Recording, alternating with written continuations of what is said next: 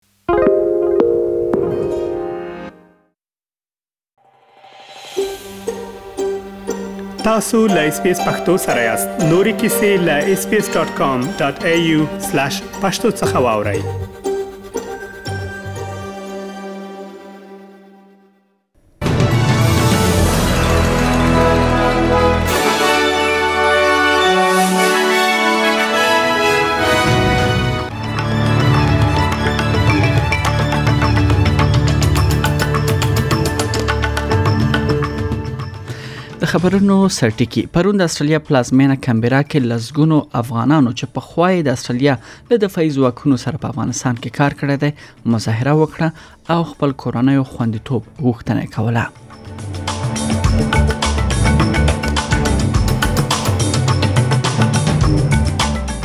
نه د سوریې نیو ساتول زیالته د دولتي روغتونونو زرګونه نرسان هغوی مظاهره کړې ده او خپل کارونو څخه دوی بهر وتلي دي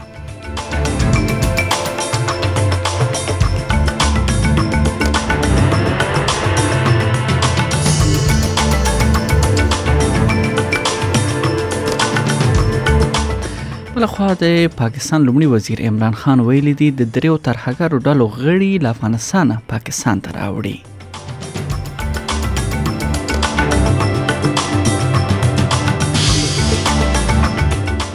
بل خو هم بشري مرسته کوونکي وایي چې لوګه خای تر جګړې ډیر خلک په افغانستان کې ووجني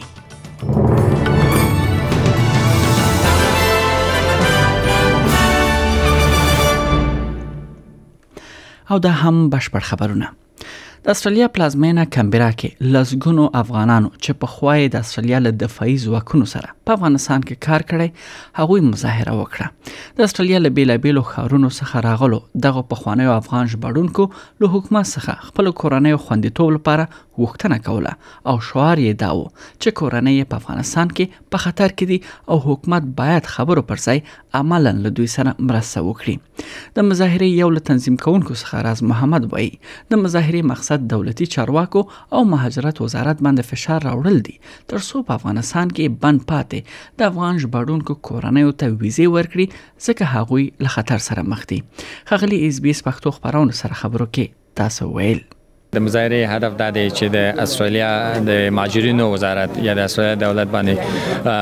موږ غوښتنه ته کړو یا فشار په باندې راوړو ترڅو زمونږ فامیلونو ته ورونو خويند مور پلار ته دوی په چې په افغانستان کې د خطر سره مخامخ دي هغه ته ویزه ورکړي له خبرونو وروسته په دې اړه بشپړ مرکه او رپورت لرو چې هغه به له تاسو سره شریک کړم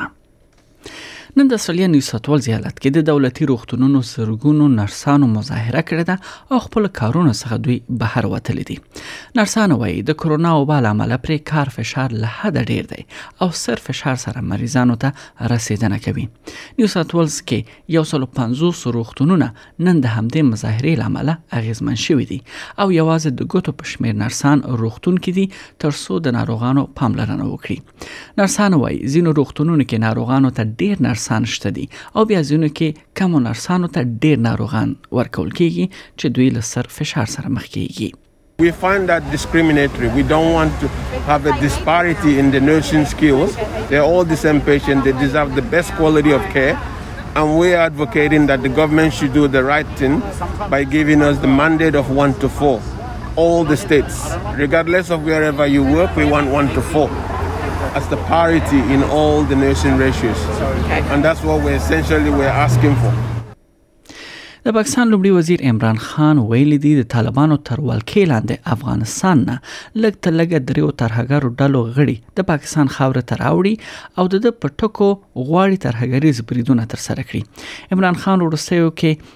سی ان ان امریکایي رسنۍ سره مرکه کې ویلي دي چې له افغانستانه درې ترهګریزې ډلې پاکستان کې ترهګریز بریدونه تر سره کوي له افغانستانه راوښتو کډوالو کې د دریو ډلو کسان شامل دي چې په هغو کې د پاکستاني طالبانو غړي چې پر پاکستان بریدونه تر سره کوي بلوس بلوسان او هم داعش خراسان ډلې غړي پکې شامل دي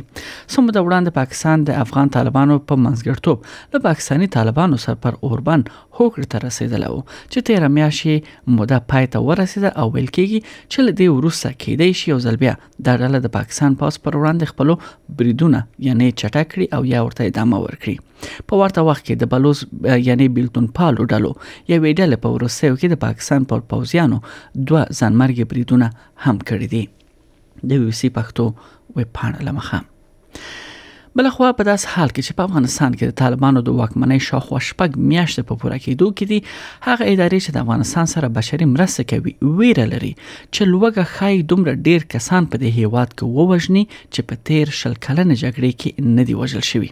د افغانستان لپاره د بشري مرستو د همغږي مسول رمز الکبروف په افغانستان کې د خلکو د وضعیت په حق له امریکا غږ ته ویل خلک ناهیلي دي هغوی خپل ماشومان پلوري هغوی وګي دي او وضعیت ډیر یعنی بګنون کوي په افغانستان کې اوس مهال درویشت میلیونه کسان بشري مرستو ته اړتیا لري چې د ټولو وګړو په دریو کې دوه برخې کیږي یعنی ملګری ملتونه وایي چې د خلکو اړتیاوې ضروری دي او د هغو کسانو شمیر د تیر کال په پرتله یا دیش په سلو کې ډیر شوی دی چې بشري مرستو ته دوی اړتیا لري په همدې حال کې د خوراک د نړیوال پروګرام یا دبليو اف پی چارواکي وایي چې په افغانستان کې 9 میلیونه کسان د یعنی قحطۍ څخه یوازې یو ګام لرې دي. د ملګرو ملتونو سرمنشي انټونی ګوترس د روسیې او اوکراین د بهرنیو چارو له وزیرانو سره د دواړو هیوادونو ترمنځ د احتمالي شخړې د کمولو په حق له یا په هیله خبرې کړې دي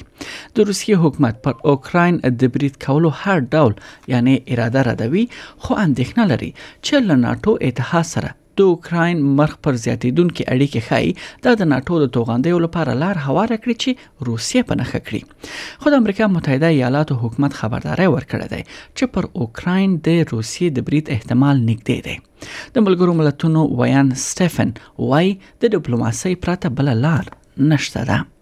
I think the, what the Secretary General expressed uh, to both uh, foreign ministers was his serious concern over the heightened tensions uh, around Ukraine. He welcomed the ongoing diplomatic discussions to diffuse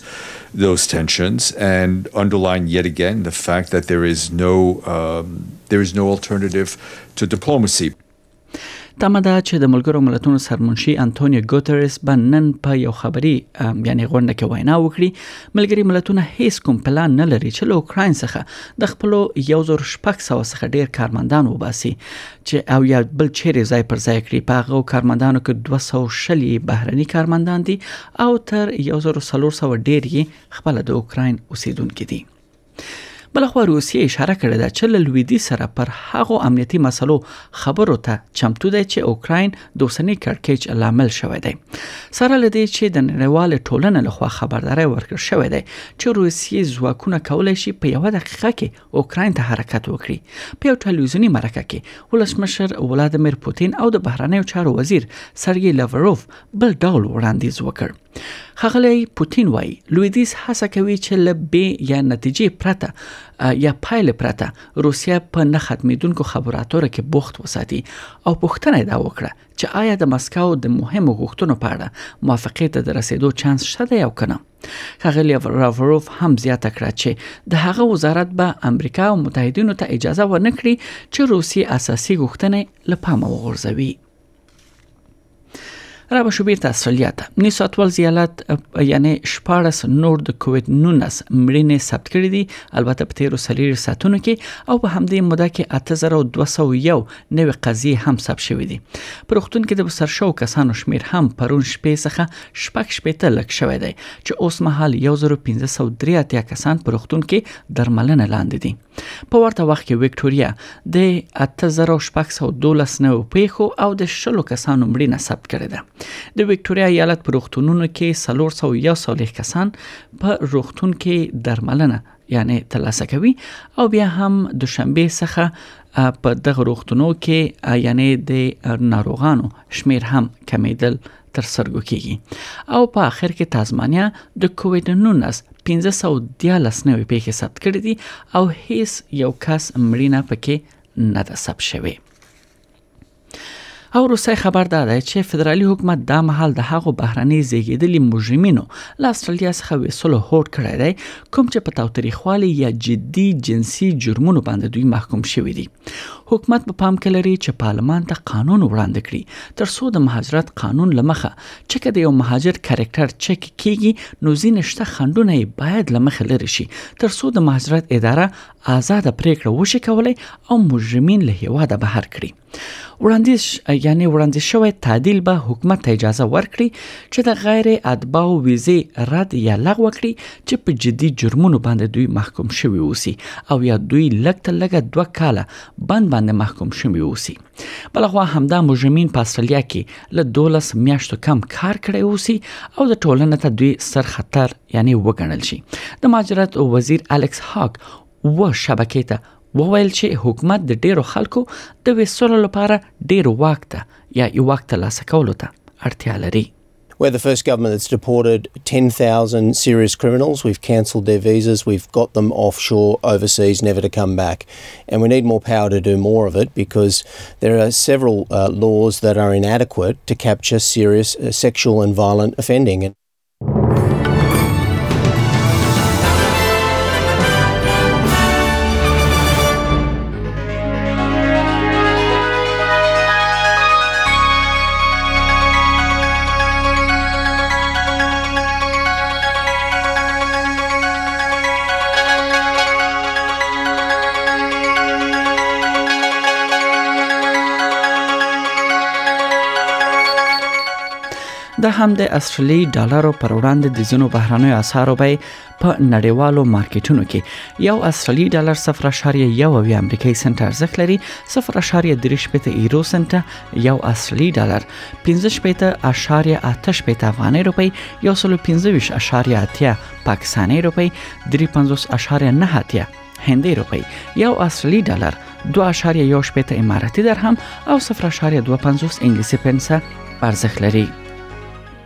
د هم د استرالیا د زونو خارونو نن لپاره د تودوخه تر ټولو لوړه درجه هغه هم د سانتیګریډ په کچه